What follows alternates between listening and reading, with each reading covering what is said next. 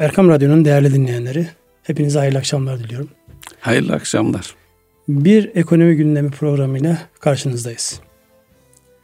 Haber akışının çok yoğun olduğu böyle bir haftada hangi konuyu öne alalım diye şöyle zihnimizden bir geçirdik.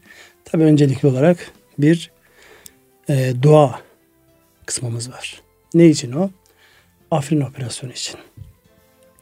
Memleketimizi tehdit eden hain zihniyetli bir yapının ya da yapıların ve onların arkasındakilerin uzun zamandan beri yaptıkları bir tehdide karşı olarak bu ülkenin boş durmadığını, boş durmayacağını, memleket meselesi ön plana çıktığında bütün farklılıkların ve bütün sıkıntıların bertaraf edilip bu işin üstesinden gelinebileceğin güzel bir başlangıcı oldu. İnşallah bundan sonraki süreçte de güzel olacak. Allah orada mücadele eden askerlerimize, onlara duası ve destek veren bütün milletimizin yar ve yardımcısı olsun. İnşallah güzel sonuçlar olacak.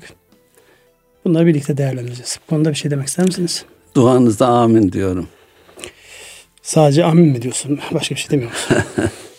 Şimdi burada e, tabii e, özellikle ekonomi gündemde olunca e, ülkelerin strese girdiği zamanlarda, kendini stresli hissettiği zamanlarda piyasaların tepkileri genellikle bir ürkme, bir panik, bir sıkıntı olur.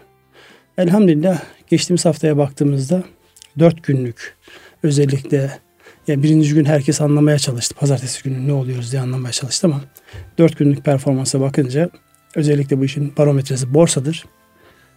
Türk borsasında İstanbul borsasında inanılmaz rekorlar kırıldı. Hacimli, istekli bir e, alıcıların olduğu, piyasanın iştahlı olduğu bir haftayı geçirdik. Bu aslında e, piyasaların bu ekonomiler olan güveninin de bir göstergesi.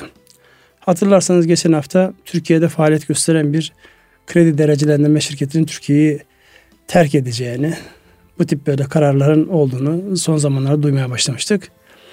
Ee, bunun yansıması nereye olur? Para piyasalarına, sermaye piyasalarına. E, borsaya baktığımızda işte bir taraftan çok sıcak bir gündem maddesi var. Dünyanın bütün bilinen süper güçlerini karşınıza almışsınız. Çünkü orada sizin önceliğiniz herkesin önceliğinin önünde. Böyle bir zamanda piyasaların tedirgin olması beklenirken elhamdülillah yani ne sermaye piyasalarında ne döviz piyasalarında ne de bankalara olan ilgi insanların kendilerini likitte bırakmayla alakalı herhangi bir olumsuz gelişme yaşamadık. Buradaki psikolojiyi biraz analiz edersek bundan sonrasında anlamak açısından fevkalade iyi olacaktır. Şu an piyasalar neyin stresini yaşıyor sizce? Ee, beklenti stresi diyebiliriz. Nedir o beklenti stresi dediğimiz şey nedir? Beklenti stresi e, stres gelecekteki ne olacağına ilişkin kendileri neler nelerin beklediğini veya beklediği şeylerin nasıl ve hangi aşamada ne zaman e, ortaya çıkacağına ilişkin e, hem bireylerin üzerinde birey olarak düşünürsek de bireylerin üzerinde işletmeleri düşünürsek işletmelerin üzerinde bir stres kaynağı. E burada tabii e, bireyler için baktığımız şey netice itibariyle toplumlar, organizasyonlarda bireylerden oluşuyor. Buradaki bir stres kaynağı ki temelde biliyorsunuz yani birçok tasnif var da dört temel stres kaynağından bahsedilir. En önemlilerden bir tanesi zamanın getirdiği, üzerinizde zamana karşı yetiştirmek zorunda olduğunuz işler olabilir, bir bitirme olabilir, bir proje olabilir, birey ya da işletme ya da organizasyon. Şimdi burada zamanla alakalı bir stres var mı? Evet zamanla evet. alakalı bir stres var. Nedir o? Bir harekete başlıyorsunuz. O hareketin çok e, iyi akıyor olması. Şu ana kadar akışa baktığımız,da ki akıştan önemlisi benim şu an işte takdirle izlediğim bir taraf var. Muhteşem bir iletişim stratejisi uygulanıyor. Her aşamasında hem içerisi hem dışarısı her aşamasından haberdar edilerek insanların zihninde acabalarıyla e, bütün şeyin ortadan kaldırması. Ya bir tarafta mesela şehit veriyorsunuz. Normalde şehit haberi psikolojiyi olumsuz olarak etkileyebilecek bir haberdir. Eyvah ne oluyor yani acaba tedbirsiz mi girdik diye. Fakat sonra arkasından baktığımızda o o kadar güzel bir şekilde ortaya konuyor ki yani müthiş bir mücadele var. bu mücadelenin içerisinde şehidin olması kadar tabii bir şey olamaz. Bunun değerlendirmesini bu şekilde ele alıp insanların zihnini burada verilen mücadelenin büyüklüğünü düşündüğümüzde gönül ister ki hiç şehidimiz olmasın. Ama öbür taraftan da şehitlik makamı gibi muhteşem bir makamın varlığını düşündüğümüzde bunun doğru iletişime tabi tutulması, ulaşabilecek sonuçların sizin hem bundan sonraki mücadelenizde hem de sosyal hayatın her tarafına yansıması ki biz burada ekonomi konuşuyoruz. Ekonomiye yansıması. Baktığımızda ekonomiye yansıma anlamında mesela dikkatimi çeken bir e, şey var. Özellikle yerlilik ve millilik vurgusu var. Yani orada e, mücadelede kullanılan alet edevatın, silahların, teçhizatın %70'e kadar kendi yerli yapımız olduğuna dair sürekli bunun iletişimi yapılıyor. Bunun psikolojik olarak baktığımızda bize e, ne diyor sizce? Ee, ilk baştaki dualarımıza şehitlerimizi de eklemeliyiz. Asıl onları eklemeliyiz. Onlara Allah rahmet, Allah'tan rahmet kalanlarına da sabır e, dileyelim. E, bu e, duruş e, ben de e, baktığım zaman e, bir vakar içerisinde toplumumuzda bu yapılan harekat karşılığı, karşılığında mesela e, Reyhanlı, Kilis o civarlara harekat başladıktan sonra e, havan mermileri, roketler düşmeye başladı ve insanlara izlediğim zaman da bir vakarla bir şeyle karşılıyorlar. Aklıma şey geldi 91 e, Irak e, müdahalesinde Güneydoğu illerinden müthiş bir göç başlamıştı. Sanki oradaki savaş e, Türkiye'ye sirayet edecek. E, oralara işte e, Saddam'ın füzeleri atılacak diye. O, o günle bugünü karşılaştırdığımız zaman gayet e, vakur ve inançlı bir şekilde karşılandı. Şu da var tabii e, hem iletişimden bahsettiniz. Bu arada müthiş bir koordinasyon da görünüyor. E, devlet kademeleri arasında e, birinin evet, dediğini bir şey, evet. E, diğeri ezmiyor. Mesela bunu fark edilir biçimde Amerika cephesine baktığımız zaman oradaki unsurlar birinin dediğini diğeri çürütecek veya farklı sesler geliyor. Ne kadar bilinçlidir değildir bilmiyoruz ama biz kendi ülkemize baktığımız zaman bunun gayet iyi yönetildiğini görüyoruz. Takdirde etmemiz lazım kesinlikle takdir edilmesi gereken bir mevzu. Bu sadece bu yaşadığımız terör hadisesine karşı yani güneyimizde olan teröre yönelik müdahalede değil. Bunun aslında bir şeyde görüyoruz. Amerika'nın ya da benzer ülkelerin bütün e, açıklamalarında, bütün uygulamalarında görüyoruz. Ekonomiyle alakalı bugün e, sabahleyin dikkatimizi çekmişti hatırlarsanız. İşte güçlü dolar mı isteniyor, zayıf dolar mı isteniyor? Evet faiz artırılarak Amerikan ekonomisi işte güçlendirilecek mi yoksa ters etki mi yapacak? Burada bile kafalar çok karışık. Yani bizim e, zaman zaman biraz da aşağılık kompleksiyle işte batılı sisteme, batının müesseselerine ve oradaki duruşa karşı o hayranlıkla olan bakışımızı bu açıdan değerlendirdiğimizde yani e, bir büyü bozulmuş gibi. Yani aynı konuyla alakalı üst üste gelen açıklamalara bakıyorsunuz. Bir tanesi başka diyor, bir tanesi başka diyor. Elhamdülillah o dediğiniz şey çok önemli. Gerçekten iyi bir noktaya parmak bastınız. Yani bütün müesseselerinizde aynı rengi, aynı sesi, aynı soluğu verebiliyorsanız şayet onun elde edeceği sonuç, ondan gideceğiniz sonuç da muhakkak lehinize olacaktır, düşündüğünüz şeklinde olacaktır. Türkiye'nin bu anlamda özellikle bu Elbap operasyonundan sonra o ilk e, hareketten sonra bu geçen süreçte bizim tecrübe anlamında çok iyi şeyler öğrendiğimiz sonucu ortaya çıkıyor. Yani orada yaşadıklarımız, o dönemde e, iyi uyguladığımız ama iletişimini eksik bıraktığımız, e, eksik iletişimden kaynaklanan yanlış anlamaların hepsini ortadan kaldırdığımız husus genel anlamda şu an baktığımızda bütün stres o sizin söylemiş olduğunuz o beklentiden kaynaklanan stresi ortadan kaldırmış vaziyette. Şu an son derece net. Ne istediğini bilen bir Türkiye, nereye gideceğini bilen bir Türkiye ve bunun sonrası da var. Yani ekonomik anlamda baktığımızda eğer burada kullanılan malzemenin önemli bir kısmını siz üretir hale gelmişsiniz. Kendi malzemenizde mücadelenizi sürdürüyor iseniz bizim tarihi bir 74 e, şeyimiz var. Hayal kırıklığımız var biliyorsunuz. Evet Kıbrıs Harekatı. Yani kendi gemimizle iletişim kuramadık. Kendi gemimizi kendimiz uçaklarımızın da vurulmasına ama manipülasyon ama iletişimsiz ama alet edevatın donanımın eksik olmasından kaynaklı. Şu an elhamdülillah baktığımızda zihin olarak farklı bir noktaya gelmiş. Savunma sanayindeki e, katma değerli üretimin tabii şu an henüz daha biz uluslararası anlamda ticareten yansımasını görmüş değiliz.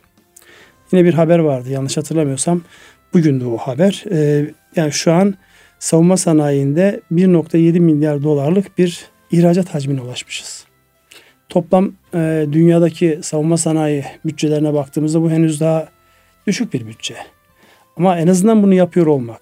Daha önceden hatırlıyorum yakın zamana kadar Türkiye bildiğiniz ki artık yani teknolojik anlamda çok fazla şeker eklemi el bombalarının bir döküm netice itibariyle onu bile e, hemen dibimizdeki çok ciddi e, çelişkilerimizin olduğu Yunanistan'da üretildiğini öğrenmek bizi hayal kırıklığına uğratmıştı. Ama şu an elhamdülillah işte e, çok e, namlulu roket atarlar, işte obüsler ve diğer malzemelerle baktığımızda şu an savunma sanayi ve bundan sonraki özellikle teknoloji bağlantılı insansız hava araçları, onların e, yönetilmesi ve organize edilmesi önemli bir husus. Dolayısıyla Afrin operasyonunda bizim görmüş olduğumuz şu, savunma sanayimizin, ekonomimizin içerisinde bundan sonraki dönemde katma değerli üretim yapabileceğimiz ve güçlü devlet olmanın olmazsa olmazı olan savunma sanayinin gelişmesinde de önemli bir gösterge olarak karşımıza çıktı. Peki piyasaların bu tepkilerine ne demeli? Dövizdeki özellikle Amerikan dolarının aşağı gelmesinde biraz bizden ziyade Avrupa, Amerikan ekonomilerinin karşılıklı e, boy göstermeleri var.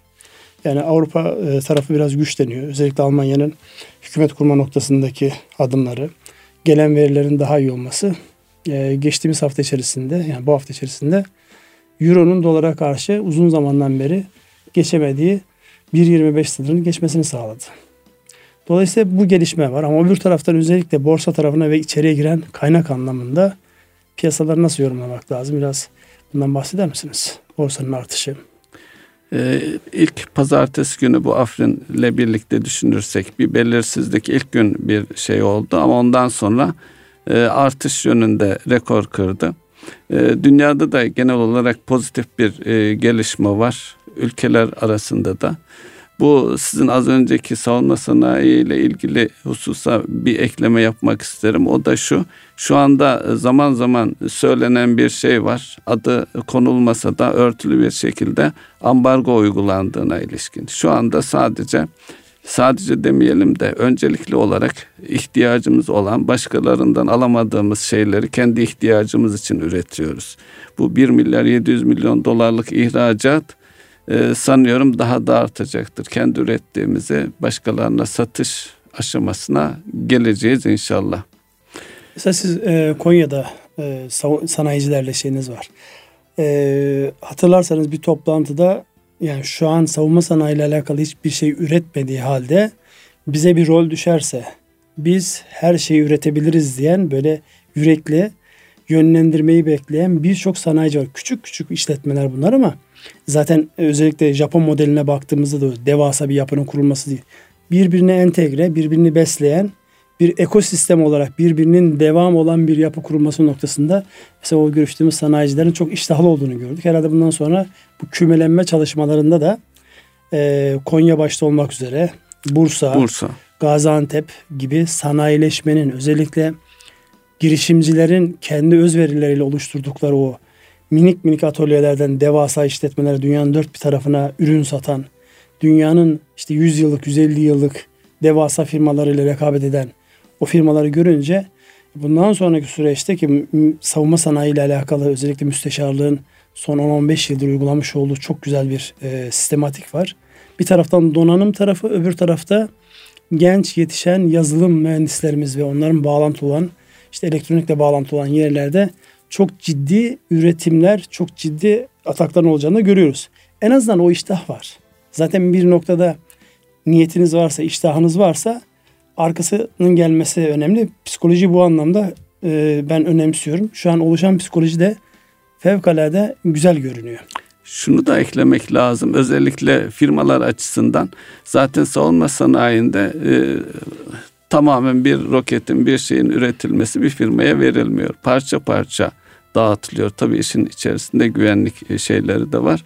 Tabii firmaların da cesaretle bu e, sektöre girmek için talepkar olmaları beklenir. Yapabilirler yani kendi biz küçük bir firmayız veya imkanlarımız şu kadar diye düşünmek için mutlaka savunma sanayinde üretecekleri bir şey vardır. Tabi orada kar marjları da diğer şeylere göre yani özel izinlerle falan olduğu için rekabet noktasında da e, daha rekabetin az olduğu dolayısıyla istedikleri kar marjını elde edecekleri bir sektör olarak da bakmak lazım. Ben kendi adıma gözlemimi söyleyeyim. E, ben o iştahı görüyorum. Yani e, hatırlarsın işte bizim e, bazı makine üreticilerimizin belli uluslararası fuarlara girmeleri yasaklanıyordu. Çünkü baktığında üretilmiş makineyi anında e, özelliklerini görebilen, birebir aynısını yapabilen, burada kopyalama demeyelim yani onu algılamak da bir zihni gelişmişliğin yansımasıdır. Dolayısıyla e, şu an baktığımda sanayicilerde bu iştah var. Çok sayıda işletme bunun yolunun arayışı peşinde. Yani nasıl olur da bu sistemin içerisinde küçük de olsa bir üretimi yapabilir hale gelirim. Dolayısıyla bunların hepsini birlikte değerlendirdiğimizde Afrin operasyonu Rabbim sonunu hayır eylesin. İnşallah. İnşallah oradaki tehditin e, tamamı ortadan kalkacak. Ülkemiz ve ülkemize göz dikmiş yani göz dikmiş derken pozitif anlamda söylüyorum. Buradan beklentisi olan buranın yapacağı güzel şeylerin kendi ülkelerine yansıması olan yakın coğrafyamız gönül coğrafyamızla beraber güzel işlerin olmasına vesile olur diye düşün e, tamamlamak istiyorum. Cümlemi orada bağlamak istiyorum.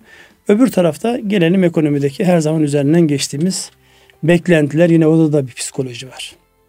Bu yakın zamanda yayınlanan e, CEO anketleri vardı. Sizin de e, her sene fazlasıyla üzerinde durduğunuzu bildiğim bir konu.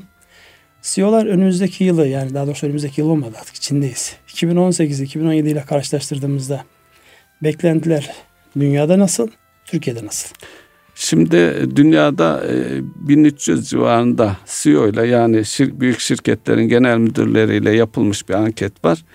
E, burada sorulardan bir tanesi onu önümüzdeki bir yıl içerisinde küresel büyümenin artacağını düşünüyor musunuz? Düşünenlerin oranı dünyada yüzde 57. E, Onlara ikinci soru olarak kendi şirketlerinin bir yıl içerisindeki büyüme oranını soruyorlar. Ona da yüzde 42. Üç yıla çıkartınca soruyor. E, yüzde 45 gibi bir oran söylüyorlar. Yani dünyada CEO'lar e, önümüzdeki bir yıl içerisinde küresel, küresel büyümenin olacağı yönünde pozitif bir düşünceye sahipler. Tabii kendi ülkemizdeki yani bu e, araştırmanın Türkiye'deki CEO'lara bakıldığı zaman bu oran yüzde 51 yine olumlu bir yönde küresel büyüme devam edecek diyorlar. Kendi şirketleriyle ilgili sorulduğunda da burada yüzde 32'si önümüzdeki bir yıl içerisinde e, gelirlerinin artacağına oldukça fazla güveniyor. 3 yıl içinde diye sorulduğunda yüzde 26 Buradaki tek fark e, diğer dünyadaki oranda bir yılla üç yıl kıyasladığında üç yılı daha e, güvenle büyüyeceğiz derken e, bizim ülkemizde bir ihtiyat payı var. İlk bir yılı daha yüksek bir oranda büyüyeceğini söylüyorlar ama genel olarak pozitif bir 2018 bekleniyor. Siz iş dünyasının içindesiniz. Sizin Beklentiniz ne yönde? Bizim beklentimizde benim beklentim şahsen e, daha da yüksek olacağını yani 2018'in 2017'ye göre ülkemiz için de daha iyi olacağını e, görüyorum. Bu e, ankette bir de şu var risklere ilişkin belirsizlik noktasındaki bir soru da var. O da enteresan. Ee, bizim ülkemizdeki CEO'lar jeopolitik riskler için yüzde 96'lık bir oran var. Dünyada yüzde 84 yani aralarında çok fazla bir şey yok ama bizim ülkemizdeki konjonktürel e, durumumuzu, çevremizdeki yangını dikkate alırsak biz daha fazla jeopolitik riskleri daha fazla hissediyoruz. Yine e, riskler açısından döviz kurlarındaki kırılganlık açısından da soru sorulmuş. biz yüzde 96 diyor bizim e, CEO'larımız. Dünyada bu yüzde 70 terör var. Terörü biz e, daha fazla hissediyoruz. Yine yüzde 93 e, belirsizlik noktasında endişe var. Dünyada yüzde 77'ye iniyor. Genel olarak bakıldığında da diğer detaylı bir rapor. Ama 2018'in hem dünyadaki üst düzey yöneticiler açısından hem de bizim ülkemizdeki üst düzey yöneticiler açısından e, olumlu beklentiler ne oldu ama ihtiyatlı e, bir duruşla birlikte e, söyleyebiliriz. O amayı söylemeyeydiniz iyiydi ama. Bunun yanı sıra yanı diyelim. Sıra. Yanı Neyse. sıra ihtiyatlılık. Şimdi orada ihtiyatlılık açısından baktığımızda aslında bizim e, özellikle buradaki büyük işletmeler açısından belli mesafeleri kat etmiş işletmeler açısından rakamı daha fazla büyütmek nispeten zor olabilir. Fakat küçük işletmelere baktığımızda orada farklı potansiyeller var. Geçen hafta e, MÜSİAD'ın Katar'da yapılan e, bir o, fuar organizasyonu fuar vardı. Mesela oraya katılan bizim firmalarımız da katıldı. Oraya katılan e, firmalarla görüştüğümüzde hepsi inanılmaz pozitif bir e, bakış açısıyla döndüler. Ve yıllardır mal sattıkları firmalarla bu şekilde hiç konuşmadıklarını fark ettiklerini ifade ettiler. Yani yıllardır çalışıyorlar. Çalışırken yani hacimsel anlamda baktığınızda çok büyük e, yerler olmayacağı düşüncesi varken çünkü Katar'a baktığınızda yani yabancılar ve e, kendi yerel halkıyla baktığınızda 2 milyon civarında insanın yaşadığı bir ülke. Yani bizim e, ortalama işte Konya kadar bir e, ülkeden bahsediyoruz. Nüfus anlamında Konya kadar bir ülkeden. Evet. Belki yüz ölçümü kadar o kadar Değil, yoktur. O kadar Muhtemel, yok. Muhtemelen yoktur.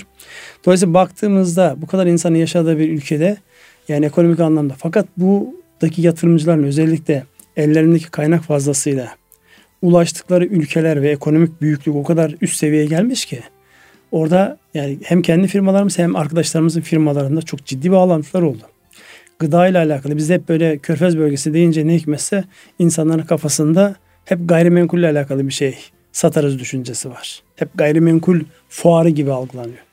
Burada e, nispeten daha küçük bir alanda yapılmış olmasına rağmen özellikle bizim e, kendi firmalarımızda gıda tarafında katıldığımızda yani işte makarna, katma değerli işte hububat ürünleri, işte yumurta ve benzeri ürünlerde şunu gördük. İnanılmaz bir iştah var sadece kendilerine değil çevre yönettikleri ekonomik anlamda temas halinde bulundukları o ağa da e, mal satabileceklerine dair bir e, iyi gördük. Doğru anlattığınızda doğru diyalogları kurduğunuzda arkasının gelebileceğini de gördük. Dolayısıyla burada e, büyük şirketlerin CEO'larıyla daha manevra kabiliyeti üst seviyede olan küçük orta ölçekli şirketlerin yapabileceklerini değerlendirdiğimizde orta ölçekli küçük işletmelerin gidebileceği çok daha geniş alanların olduğunu görüyoruz. Çünkü büyüklerin imtina ettiği alanlar küçükler için bir fırsat. Oralarda boşluklar var. O boşlukları görmek icap eder. Zaten bu arada hemen bağlantıyı da kuralım. E, reel sektör güven endeksi ile alakalı baktığımızda e, burada ciddi bir toparlanma görüyoruz. E, geçen sene Aralık ayında baktığımızda yani Aralık'tan Ocak ayına devrettiğimizde e, toplamında yaklaşık 5 puanlık bir artış var. Yani buradaki alt kırılımlar itibariyle baktığımızda hizmet sektörü, perakende ve inşaat 3 alt sektör açısından baktığımızda e, her birinde %6, %7 civarında bir toparlanma var. Daha doğrusu 6 puanlık, 7 puanlık bir toparlanma var. Bir aydan bir aya yani Aralık'ta ne vardı? Ocağı nasıl böyle psikolojik anlamda pozitife döndü? Benzer şey çünkü tüketici tarafında da var. Onun da alt kırılımına gireriz. Yani sizin gözlemlediğiniz hem e, kendi yönettiğiniz iletişim halinde bulunduğunuz firmalar açısından hem de genel piyasa açısından baktığımızda yani hizmet sektöründe, perakende sektöründe ve inşaat sektöründe ki inşaat bu anlamda herhalde nispeten daha e, evet, e, zayıf olan bir zayıf, e, evet. yer. Ama orada bile psikolojik anlamda bir toparlanma, bir güven endeksinde bir artma var. Bunu değiştiren temel unsur ne oldu? Tabii bu bir anket. İnsanların geleceğe yönelik e, beklentileri. E, az önce de dedik beklenti stresini. Beklenti çok önemli. Her şey beklenti üzerine kuruluyor zaten. Evet bu beklentiler e, pozitife döndüğünde her şeyi çok hızlı toparlayabiliyor. Aynı şeyi e, güven endeksinin e, düştüğü zamanlarda da e, ters yönde yaşamıştık. E, bir anda moraller bozulduğu zaman e, beklentiler herkes birbirini içine kapatıyor. Ama beklenti e, düzeldiği zaman bu her yöne yansıyor. Bu zaten e, anketlerde de e, güven endeksi de e, diğer CEO'larla ilgili şeylerde ve e, bunların ötesinde de içinde bulunduğumuz iş çevresinde de pozitif yönde 2017 geçti 2018 çok daha iyi olacak şeyini duyuyoruz heyecanı görüyoruz. Bu heyecan doğal olarak insanların iş yapma isteğini artırıyor. İnsanlar harekete geçiriyor. Artık bir şeyler yapmamız lazım diye ee, çevre küçük işletmelerden bahsettiniz. Onlar dediğiniz gibi çok daha hızlı büyüme imkanları var ve tabii fırsatlara onlar çok e, çabuk da ulaşabiliyor. Yani e, bir firma bir yıl içerisinde küçük bir firmalar yüzde yüz büyüme kabiliyetine sahip doğru şeyleri yakalayabildikleri takdirde. Orada tabii e, ilişkide güven hadisesi çok ön planda. Küçük işletmelerle alakalı en büyük problem e, mal tedariki yapmış olduğu firmalarla olan ilişkilerindeki o güveni tesis etmeler. Güvende aynı insan ilişkilerinde olduğu gibi iki temel unsur var. Bir tanesi karakteristik olan özellikler olan güven. Yani o işi sözünüzü verdiğiniz zaman sözünüzü yerine getirebilir misiniz? Taahhütlerinizi yerine getirebilir misiniz? Söylemiş olduklarınız ne kadar gerçeği yansıtıyor bu karakterle alakalı. Aynı insanlarda olduğu gibi. İkinci taraf yetkinlik kısmı. Tamam sözünüzün eri olabilirsiniz. Güvenilir bir insan ya da işletme olabilirsiniz. Ama gücünüz ona yeter mi noktasında. Burada bir ağaç benzetmesi vardı. E, hatırlarsanız insanlarla olan evet. güven ilişkisinde koyduğumuzda kök karakteri oluşturuyor. Bu ister insan olsun yani ister söz verdim olsun. ve sözümü tuttum. E, söz, söylemiş olduğu söze güvenirlik bunu nereye uygularsanız uygulan geçerlidir bu. İster şahıslara uygulayın ister organizasyonlara uygulayın.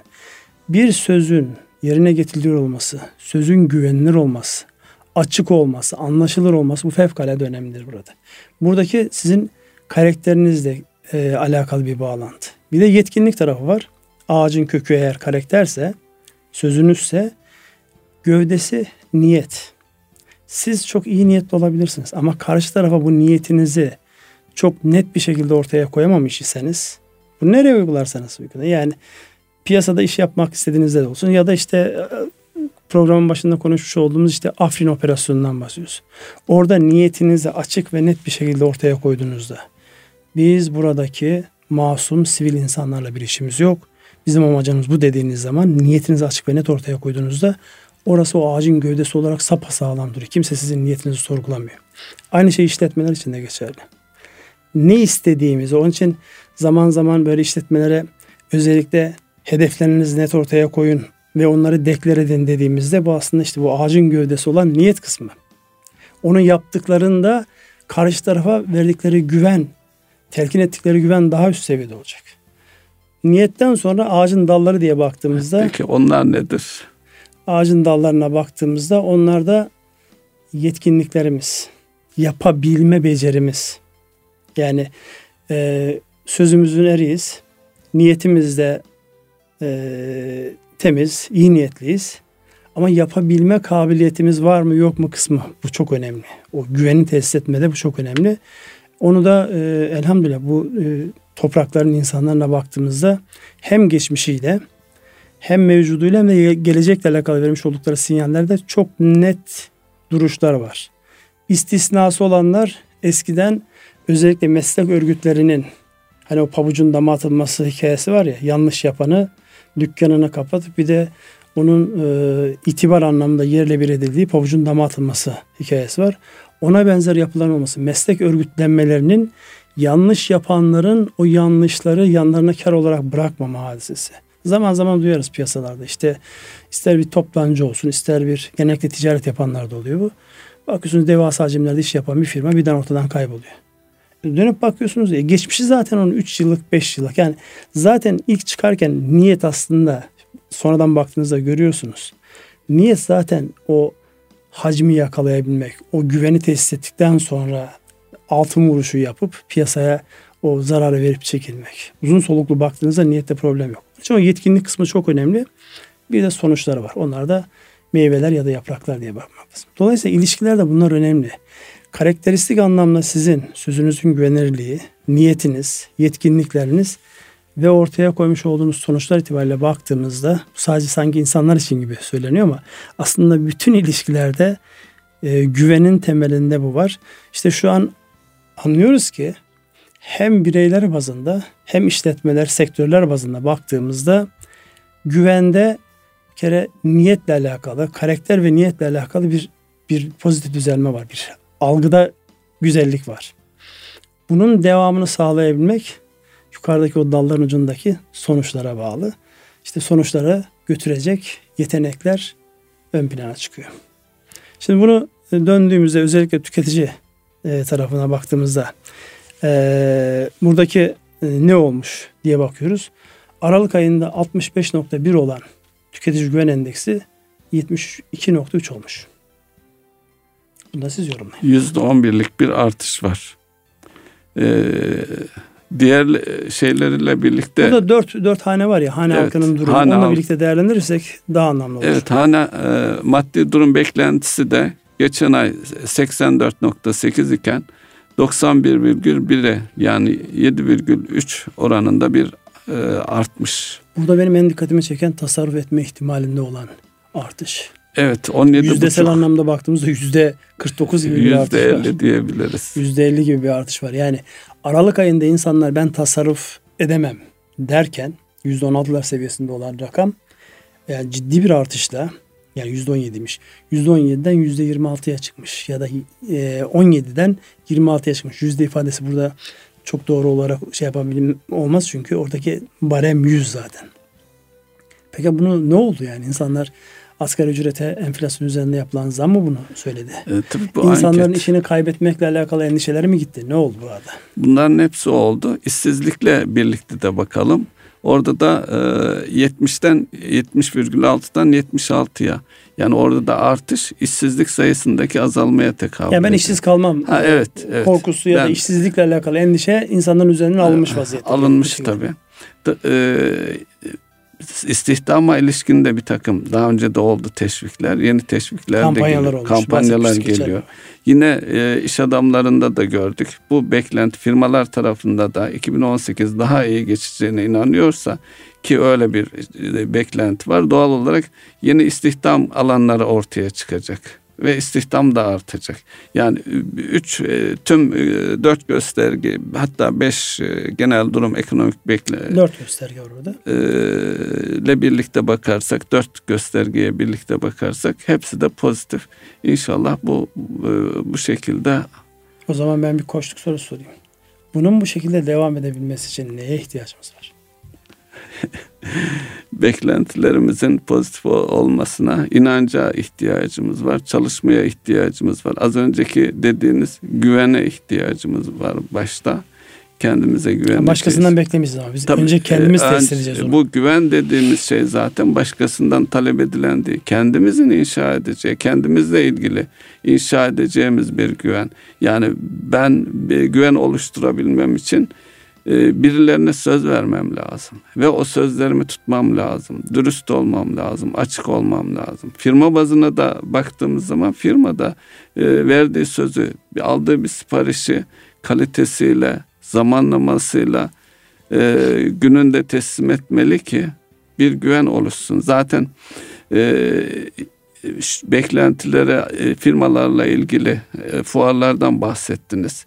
Daha önce de iş adamlarıyla konuşuyorduk. Son e, şeyden sonra uçak düşürülme hadisesinden sonra bazı firmalar yeni pazarlar aramaya başladı. Özellikle Rusya ile iş yapanlar.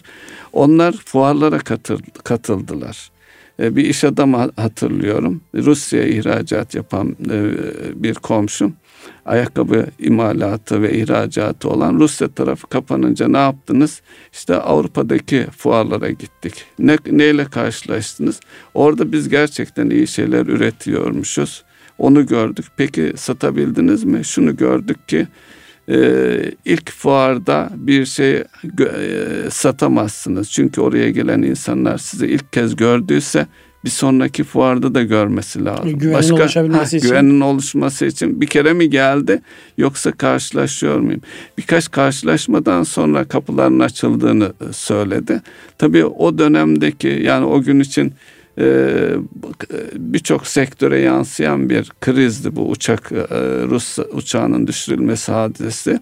Ama bundan ders alıyorsanız, harekete geçiyorsanız yeni pazarlar, yeni fırsatlar da önünüze açılıyor. Hatta şunu söylemişti. Benim Rusya'ya sattığım fiyattan çok daha pahalı bir fiyata Avrupa'ya satabilirim ama bu ilk fuar olduğu için satamadım demişti. Ya burada e, genel anlamda baktığımızda söylenecek cümle şu herhalde. Bir olumsuzluk bizim pes etmemize değil tam tersine var olan şeyleri tekrar gözden geçirmemizi sağlayacak bir vesile olsun. Benim son zamanlarda takıldığım üç tane kavram var. O kavramların üzerinde herhalde destansı bir sürü şey yazılsa yeridir. İnşa, yeniden inşa ya da sıfırdan inşa, ihya ve imar. Baktığımızda eğer bir tarafta biz bir şeyler eksik olmuşsa ya da istediğimiz gibi gelişmemişse bunu ihya edebiliriz, yeniden ihya edebiliriz. İnşa edebiliriz, yerine bir şey inşa edebiliriz. Ya da var olanı imar ederek mamur hale getirebiliriz. Dolayısıyla bu ister bireysel tarafımızda olsun, ister işletmelerimiz ve organizasyonlarımız tarafında olsun. Yani bu ihya, inşa ve imar tarafı her an gündemimizde olan zaten değişim yönetiminde aslında evet. dayandığı üç kavram burası yani. Eğer orası doğru işletilebilirse biz sürekli kendimizi yenileyecek, değişen şartlarda, şartların değişmesinin sebebi olduğu endişeler, kaygılar ya da durumsal stres diyebileceğimiz hususun ele alınıp değerlendirebileceği bir hadise.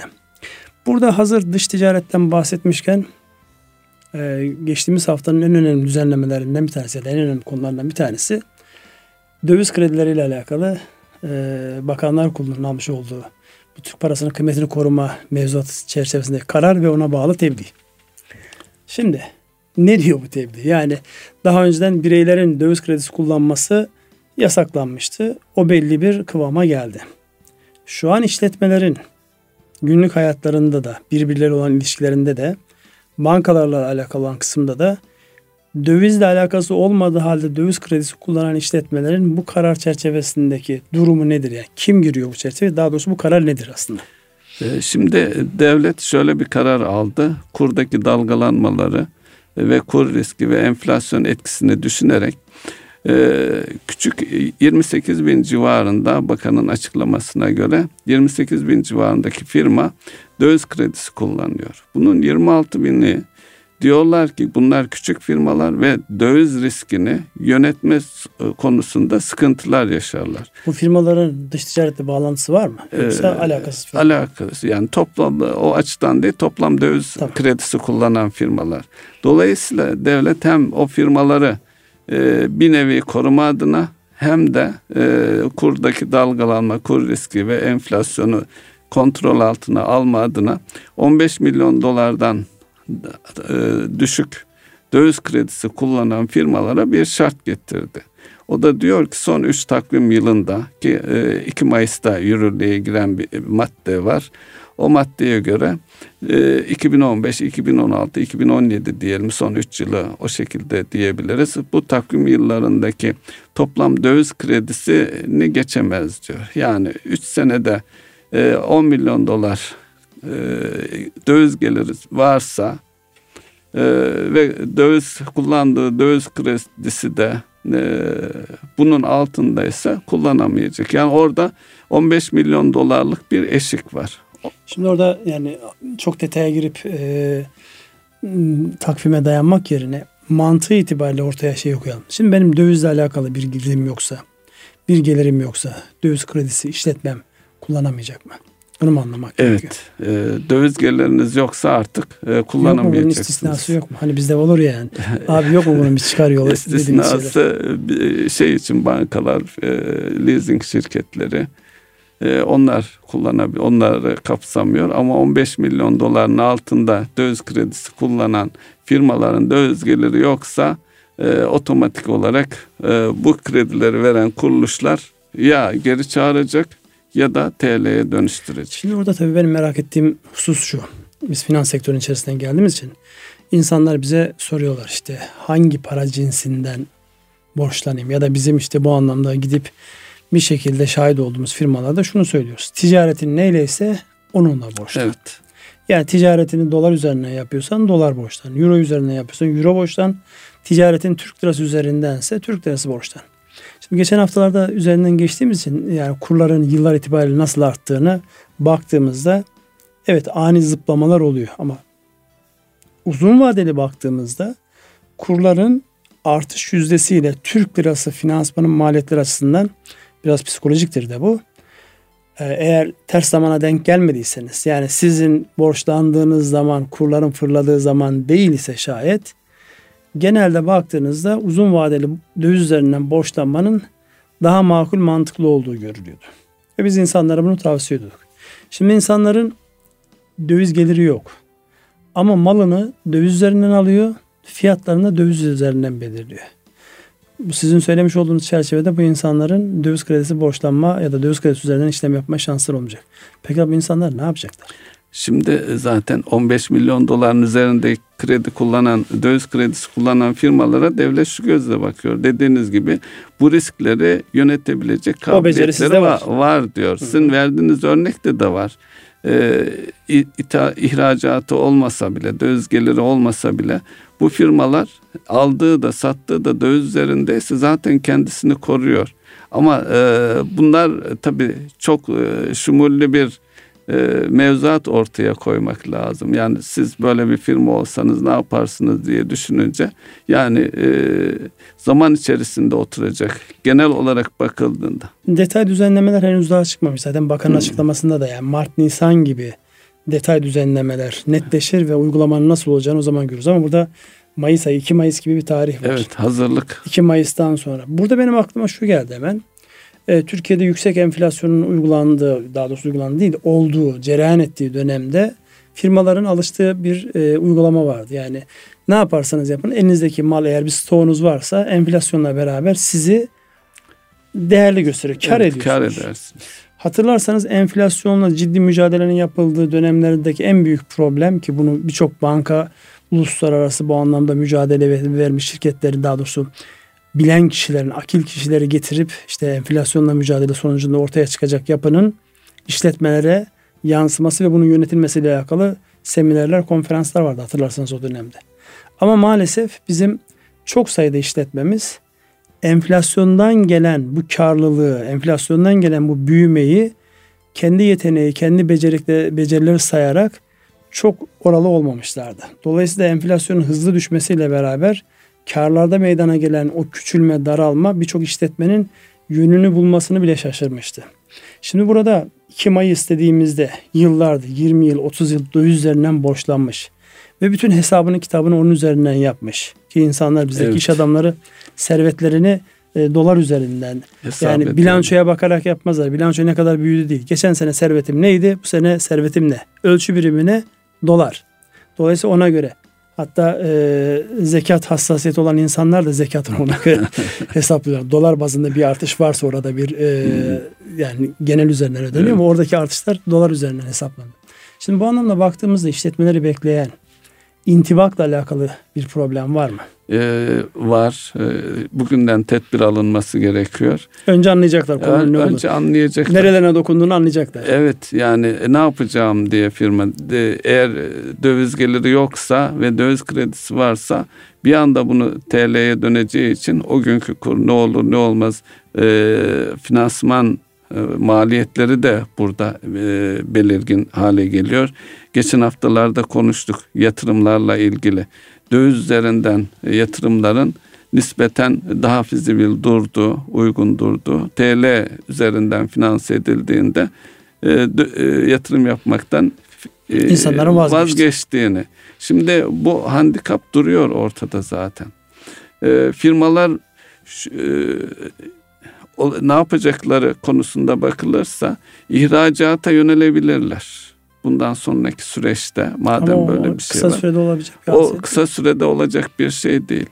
E, durumuna göre belirleyecek. 13 milyon dolar e, kredisi varsa ve gidecek bankadan 3 daha ver 16'ya çıkayım 15 çıkayım e, limiti eşiği aşayım diye aşmak isteyen firmalar da olabilir. Yani Tabii bu topraklardan olduğumuz şey, kesin hemen hemen hemen işi farklı bir boyuta e, getirip delme operasyonu. Biz e, profesyonellikten geldiğimiz için iş adamları e, böyle düşünür ve hemen de eyleme geçebilirler. Şu da var çok e, bir grup firmaları düşünün.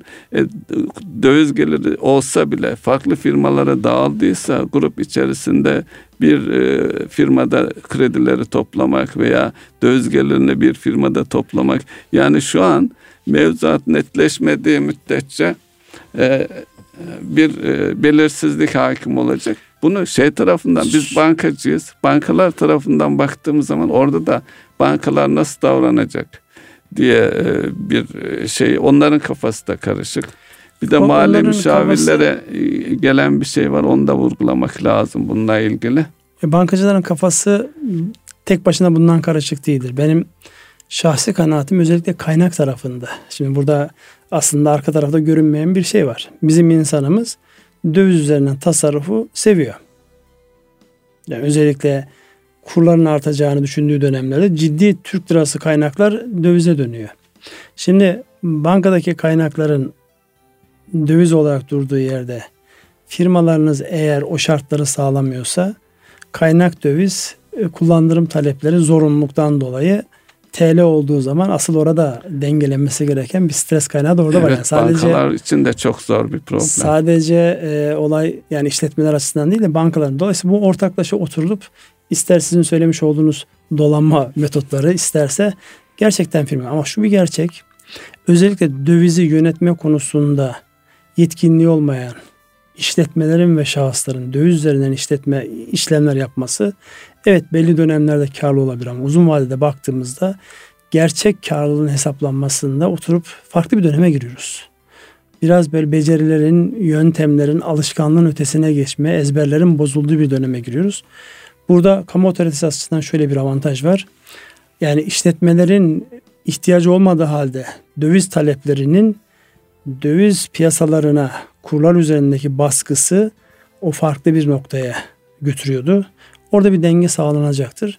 Ama özellikle tasarruf e, sahiplerinin döviz talebi ve kredinin Türk lirası olarak talep edilmesi arasındaki o marjlar bir dönem kafaları karıştıracak. Bugün gibi ortada. Ne kadar hızlı adapte olurlarsa onun yöntemi de şudur. Eğer siz değişen bir ortama adapte olacaksanız önce mevcudun fotoğrafını iyi bir çekmek mevcudu bir değerlendirmek. Sonra bu mevcudu nereye doğru evirmek istiyorsunuz? Nereye doğru dönmesini istiyorsanız idealini belirlemek. Mevcutla ideal arasındaki e, zaten açıklıktır sizin değişimi yöneteceğiniz alan. Dolayısıyla burada bir mevcudun tespiti acil ehil insanlarla kendilerinin ve bildikleri ehil insanlarla beraber bu borçlanma ve ticaretin para birimi üzerinden değişmenin ve borçlanmanın döviz üzerinden olmayışının etkilerinin bir e, analizinin yapılması, o analiz çerçevesinde bazı kararların alınması gerekir. Aksi takdirde bizde yani giderken kervan e, dizilme hadisesi var. Yani giderken evet kervan dizilir de develerin bir kısmı kaybolabilir yolda. Onun için e, şimdiden yani bugünden tez yok işletmelerin döviz e, kredilerini kullanamamaktan dolayı, finansmanı döviz üzerinde yapamamaktan dolayı nasıl etkileneceklerini net bir şekilde ortaya koymaları herhalde doğru olacaktır. Maliyet açısından da e, bakılması lazım. E, döviz kullandığı döviz kredinin maliyetiyle TL'ye döndüğünde bir anda e, yüksek bir maliyetle karşılaşıyor olacaklar. Bir de bir şey sorabilir miyim? İlk e, siz dediniz ya hatırladım. E, bireylerin döviz üzerinden mesela konut diyelim e, kredi kullanmaları e, yasaklandı. Evet. Ve kaç yıl oldu. Şimdi içinde bulunduğumuz inşaat sektöründe düşünürsek eğer böyle bir ortamda döviz kredisi, döviz üzerinden e, konut kredisi veriliyor olsaydı piyasa daha rahat olurdu. Ha yani evet. Çok ne söyleyeyim daha rahat olurdu. Çünkü zaten özellikle e, lüks e, tüketim diyebileceğimiz lüks konutlarda e, zaten e, gayrimenkullerin değerleri Türk lirası üzerinden hesaplanmıyor. Döviz üzerinden hesaplanıyor. Dolayısıyla sizi onu Türk lirası olarak borçlandırdığınız zaman oradaki yıllık finansman maliyeti şu anki oranlarla baktığınızda 15 ile 20 arasında bir rakama denk geliyor. 5 yıllık aldığında zaten diyor ki astarı yüzünden pahalıya geldi vazgeçtim diyor. Taksit ödeyemem Taksit diyor. ödeyemem. Halbuki totaline baktığınızda aynı şeye geliyor. Fakat psikolojik olarak döviz üzerinden olabiliyor olsa belki insanlar daha seri hareket eder. Ama alınan karar doğru bir karar. Kesinlikle o anlamda ben yani onun yanlış olduğunu düşünmüyorum. Sadece psikolojik etkisi anlamında insanların daha cömert olabilecekleri bir ortamda bu şekilde daha bir e, çekingen davrandıklarını görüyoruz. Dolayısıyla bunun yansımalarını göreceğiz. Doğrusu kendi milli paramızda burada ne ön plana çıkacak? Bizim her e, to, e, programda söylemiş olduğumuz enflasyonla mücadelenin ne kadar önemli bir hadise olduğunu herkesin anlayacağı bir noktaya geliyoruz. Enflasyon düşük olursa onun yansımaları olan işte finansman maliyetleri ve diğer unsurlar da dikkate alınacak. Dolayısıyla enflasyon düşmesini istiyorsak kurun, faizin, dövizin neyse artık yani maliyet üzerinde olan bütün baskıları aşağı çekecek bir e, toplu bir mücadeleye ihtiyaç olacaktır. Bu da onun bir başlangıcı olur diye ümit ediyorum. Biz yine e, programın sonuna gelmişiz. Abi ki ben bugün bir empati ile alakalı beynin sağ tarafı ve işletmelerde empati tarafını ele alırız diye düşündüm. Çünkü giderek e, sağ beyin ve e, özellikle duygusal zekanın hem şahıslarda hem işletmelerdeki yansıması ön plana çıkıyor. İnşallah bunu Allah ömür verirse haftaya değerlendirelim. En azından bir başlık olarak. İnşallah. Erkam Radyo'nun değerli dinleyenleri bir ekonomi gündemi programının yine sonuna geldik. Sürçü lisan eylediysek affola. Umarız söylediklerimiz e, faydalı olmuştur. En azından kararlarınızı, en azından yürüyüşünüzle alakalı değerlendirmelerde e, gönlünüze, yüreğinize, zihninize hoş gelecek cümleler kurmuşuzdur. Teşekkür ediyoruz. Hakkınızı helal ediniz. Hayırlı akşamlar. Hayırlı akşamlar.